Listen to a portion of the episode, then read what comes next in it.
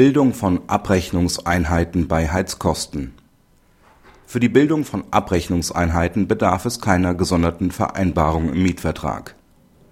Die Klägerin, die zwei gegenüberliegende Häuser wegen der einheitlichen Versorgung mit Wärme zusammen abrechnet, verlangt vom Beklagten eine Nachzahlung auf abgerechnete Betriebskosten.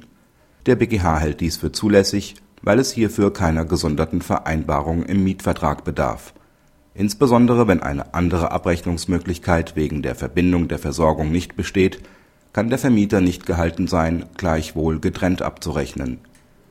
Praxishinweis Der BgH setzt seine Rechtsprechung konsequent fort.